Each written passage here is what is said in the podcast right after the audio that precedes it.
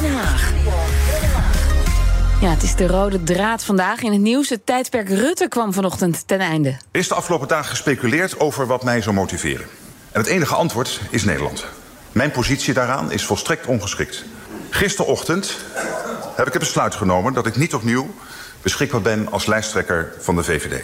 Bij het aantreden na de verkiezingen van een nieuw kabinet zal ik de politiek verlaten. Ja, en dat laatste kwam als een grote verrassing. Sommige mensen hebben nog nooit een andere premier gekend dan premier Rutte. Onze verslaggever Martijn de Rijk die ging de straat op in Laren. Ik ben benieuwd uh, hoe de volgende premier is. Ik vond uh, meneer Rutte vond ik wel goed, eigenlijk. Rutte was altijd de premier uh, bij ons. Ja. Ah, het is wel een eind van een tijdperk nu. Ja, dat zou je wel kunnen zeggen, ja. ja. Ik ben natuurlijk wel Mark Rutte gewend. Dit is gewoon wel een soort van deel van je leven. Maar nee, ja, ik ben wel benieuwd wat, wat er nu gaat komen.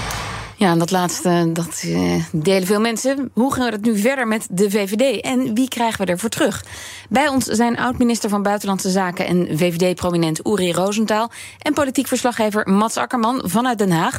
Goedemiddag. Goedemiddag. Goedemiddag.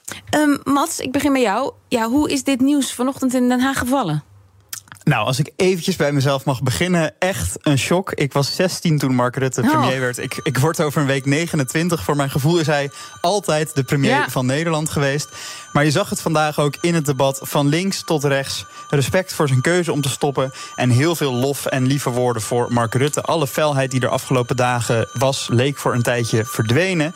Misschien wel het mooiste voorbeeld. PVV-leider Geert Wilders in de debatten altijd een grote rivaal van Mark Rutte. Maar tot 2004 zat hij zelf ook voor de VVD in de Tweede Kamer. En hij had wat woorden voor Mark Rutte. We kennen elkaar al ontzettend lang. Ooit bij de VVD waren we collega's en ik was zelfs zijn mentor.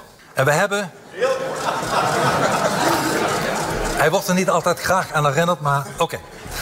En wij hebben ook politiek in de eerste twee jaar van het kabinet Rutte 1, eh, vind ik althans, uitstekend met elkaar eh, samengewerkt.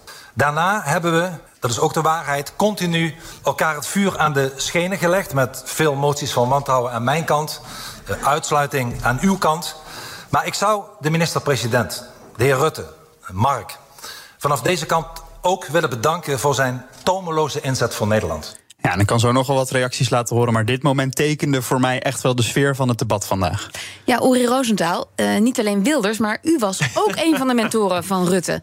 En dat is toch een vertrouwensrelatie. Heeft u nog een telefoontje gehad van uw uh, vroegere mentee dit weekend?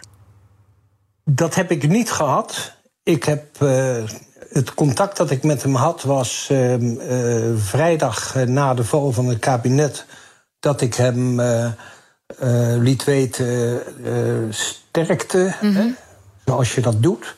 En, enzovoort, enzovoort. Daar reageerde hij toen erkentelijk voor. En ik heb hem vanmorgen even via de iPhone ook een berichtje gestuurd... waarop hij ook met dank reageerde. Ah. Dus dat is het geweest. Maar het was voor mij ehm, wie ben ik?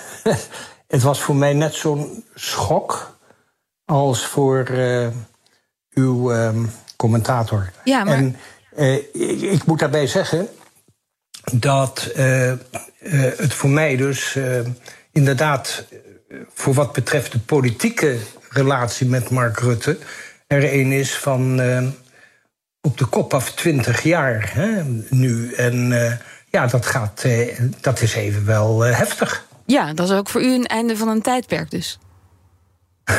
nou ja, uh, ik ben natuurlijk voor, voor het grootste deel, voor 99% politicus in rusten. Dus dat, mijn, mijn politieke tijdperk is wel al langer geleden. Maar desondanks, ik had natuurlijk tot, op, tot in de vorige week uiteraard uh, op mijn manier wel contact met hem. Mm. En hij stond altijd open voor uh, ja. suggesties en wat iets meer zei. Maar als, u, als hij toch u gebeld had dit weekend, had u hem dit dan geadviseerd? Nou, dat is, dat is een, uh, een vraag die heel, heel to the point is, mag ik zeggen. Want uh, het begint en eindigt eigenlijk bij hem met, met het punt dat uh, hij weliswaar het woord authentiek haat om de een of andere reden. Maar dat hij ongetwijfeld kan worden gekenschetst als wat ze in Amerika noemen: he is his own person. Mm. Eh, hij luistert naar anderen, hij laat zich graag door anderen adviseren.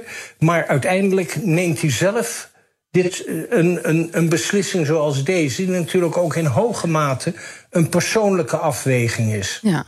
En dat hij de persoonlijke afweging dus pleegt uh, met in het vizier het landsbelang. Dat past ook volledig bij hem. Dat heeft hij ook vanmorgen gezegd in de Kamer. En wat dus totaal ontbreekt, en dat zijn sommige mensen zijn zich daar niet van bewust of kunnen zich dat nauwelijks wat meer indenken. Rust. Sorry? Ja, nee, dat ging even mis. Het debat Gaat kwam eventjes tussendoor. Sorry. Uh, wat, wat veel mensen niet, niet kunnen vatten is dat persoonlijk belang bij hem uh, in dit verband geen rol speelt. Hmm. Uh, Mats, even terug naar dat debat van vandaag. Uh, jij liep daar rond en hebt meer reacties voor ons op een rij gezet. Ja, ik zal ze even doorlopen. Uh, Jesse Klaver van GroenLinks. Uh, ja, dat is niet uh, een logische partner voor de VVD, een tegenstander. Hebben in 2017 lang onderhandeld over mogelijke deelname aan Rutte. Die, maar ze kwamen er niet uit, maar ook hij had aardige woorden voor Rutte. Meestal stonden we lijnrecht tegenover elkaar.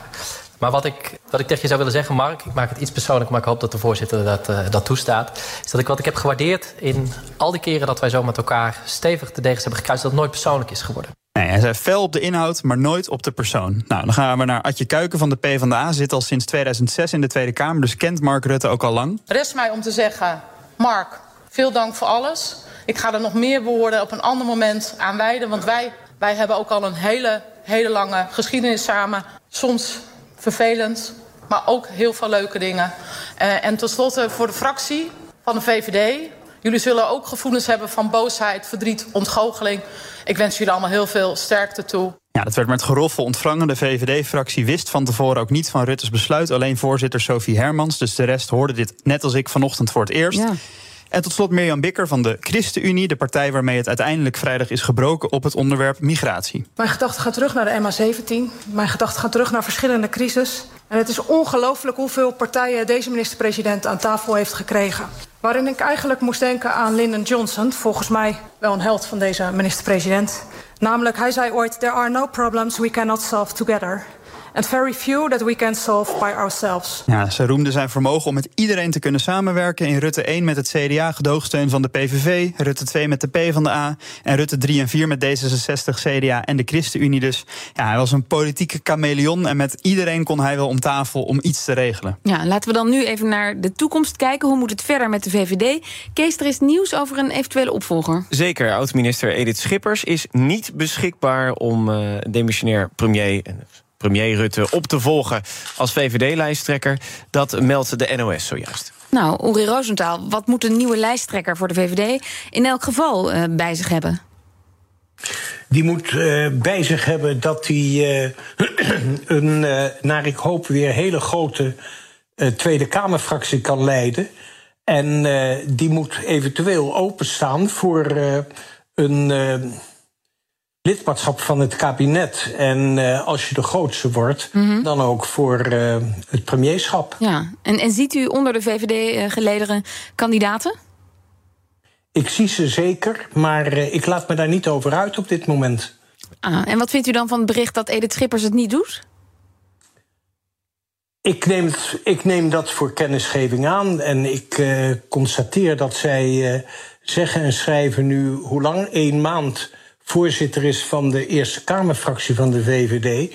Uh, wat dat betreft ben ik ooit een voorganger van haar geweest. Ah. En in die functie uh, is er ook het nodige te doen. En uh, op dat punt is het ook vaak van belang dat je de stabiliteit in je eigen gelederen dan toch uh, zo groot mogelijk houdt. Ja, Mats, deze week komt de VVD, melden ze, toch wel zelf met een kandidaatlijsttrekker. Um, heb jij een overzicht aan wie moeten we denken? Ja, dat is ook heel gevaarlijk. En nou, de VVD gaat proberen om met één kandidaat lijsttrekker te komen. Dus ze hopen dat het niet een verkiezing wordt. Dat heeft partijvoorzitter Erik Wetsels bekendgemaakt. Ik heb het echt geprobeerd. VVD'ers hier vragen wie het zou kunnen worden. Maar niemand wil namen noemen. Um, ik kan dan zelf nu een soort van glazen bol gaan pakken en wel namen opgooien. Degene die ik Twitter het meest heb zien langskomen, maar hoe betrouwbaar is dat? Is de naam van uh, Dylan Jezilgus, minister van Justitie. Uh, ja, wel populaire minister, ook goed actief op social media. Hij heeft Ja. wel echt een duidelijk En in de profiel. media. Precies, ja. Zeker, ja, zeker. Media Geniek heeft wel echt een goed profiel. Dus dat is eentje waar ik aan zou kunnen denken. Maar ja, ik, ik durf gewoon eigenlijk echt geen voorspellingen te doen. Ik zei vrijdag nog dat het kabinet niet zou vallen. Dus, eh, Ja, het, het zijn eh, eh, verrassende tijden wat dat betreft. Maar eh, Mats, het, het kan wel zo zijn dat ook al komt het bestuur natuurlijk met een, met een kandidaat, dat er nog VVD'ers in het land zichzelf ook kandidaat stellen. Hè? Dat kunnen ze niet tegenhouden. Ja, ik heb de, de procedures van eh, het VVD-reglement niet helemaal doorgelezen. Misschien dat Uri Rosenthal daar iets meer over kan vertellen. Maar ik, ja, ik denk toch dat ze niet weer zitten te hopen op zo'n tweestrijd als de vorige keer tussen Mark Rutte en Rita Verdonk. Want dat heeft de partij in eerste instantie niet zoveel goed gedaan. Nee, meneer Roosentaal, ja, u wilt geen namen noemen. ehm, maar eerder sprak u wel de hoop uit op een vrouw als opvolger. Ehm, Ja, ziet ja, u die ook eh, onder de gelederen? Ehm, dat, ik zou zeggen, dat sluit ik niet uit. Eh, maar gelukkig is het zo dat vandaag de dag de VVD vele vrouwen in eh, vooraanstaande posities heeft, zowel in het kabinet als in de, als in de Kamer. En eh, daar is dus, de, daar is dus een ruim reservoir. En wat betreft de, de vraag naar de procedure. bij mijn weten is het zo dat het bestuur dus nu een het hoofdbestuur van de VVD dus nu een kandidaat gaat stellen. eh, en dat er tegenkandidaten kunnen worden, eh, eh, naar voren kunnen komen. En dan ligt het voor de hand dat dat op de een of andere manier eh, dan ook aan de leden van de partij wordt voorgelegd. Ja. Dat, dat is eh, zoals het past. Nou, en dan, eh, dan bellen we u graag weer, want dan kunt u vast eh, reageren op de naam die voor ligt. Mats, eh, ja, dit kwam allemaal in de periode dat het reces net was begonnen. Wanneer gaat dat dan eindelijk beginnen? Zo, ik heb echt de bizarste week inderdaad wel van het jaar tot nu toe achter de rug. Maar ehm, voorlopig niet. Er staat nog wel wat op de Kameragenda. Ze moeten gaan bepalen welke onderwerpen controversieel zijn. Daar wordt dan niet meer over gedebatteerd en komt geen beleid meer voor. Dat gebeurt op 27 juli. Maar de voorbereiding in commissies die gaat nu al van start.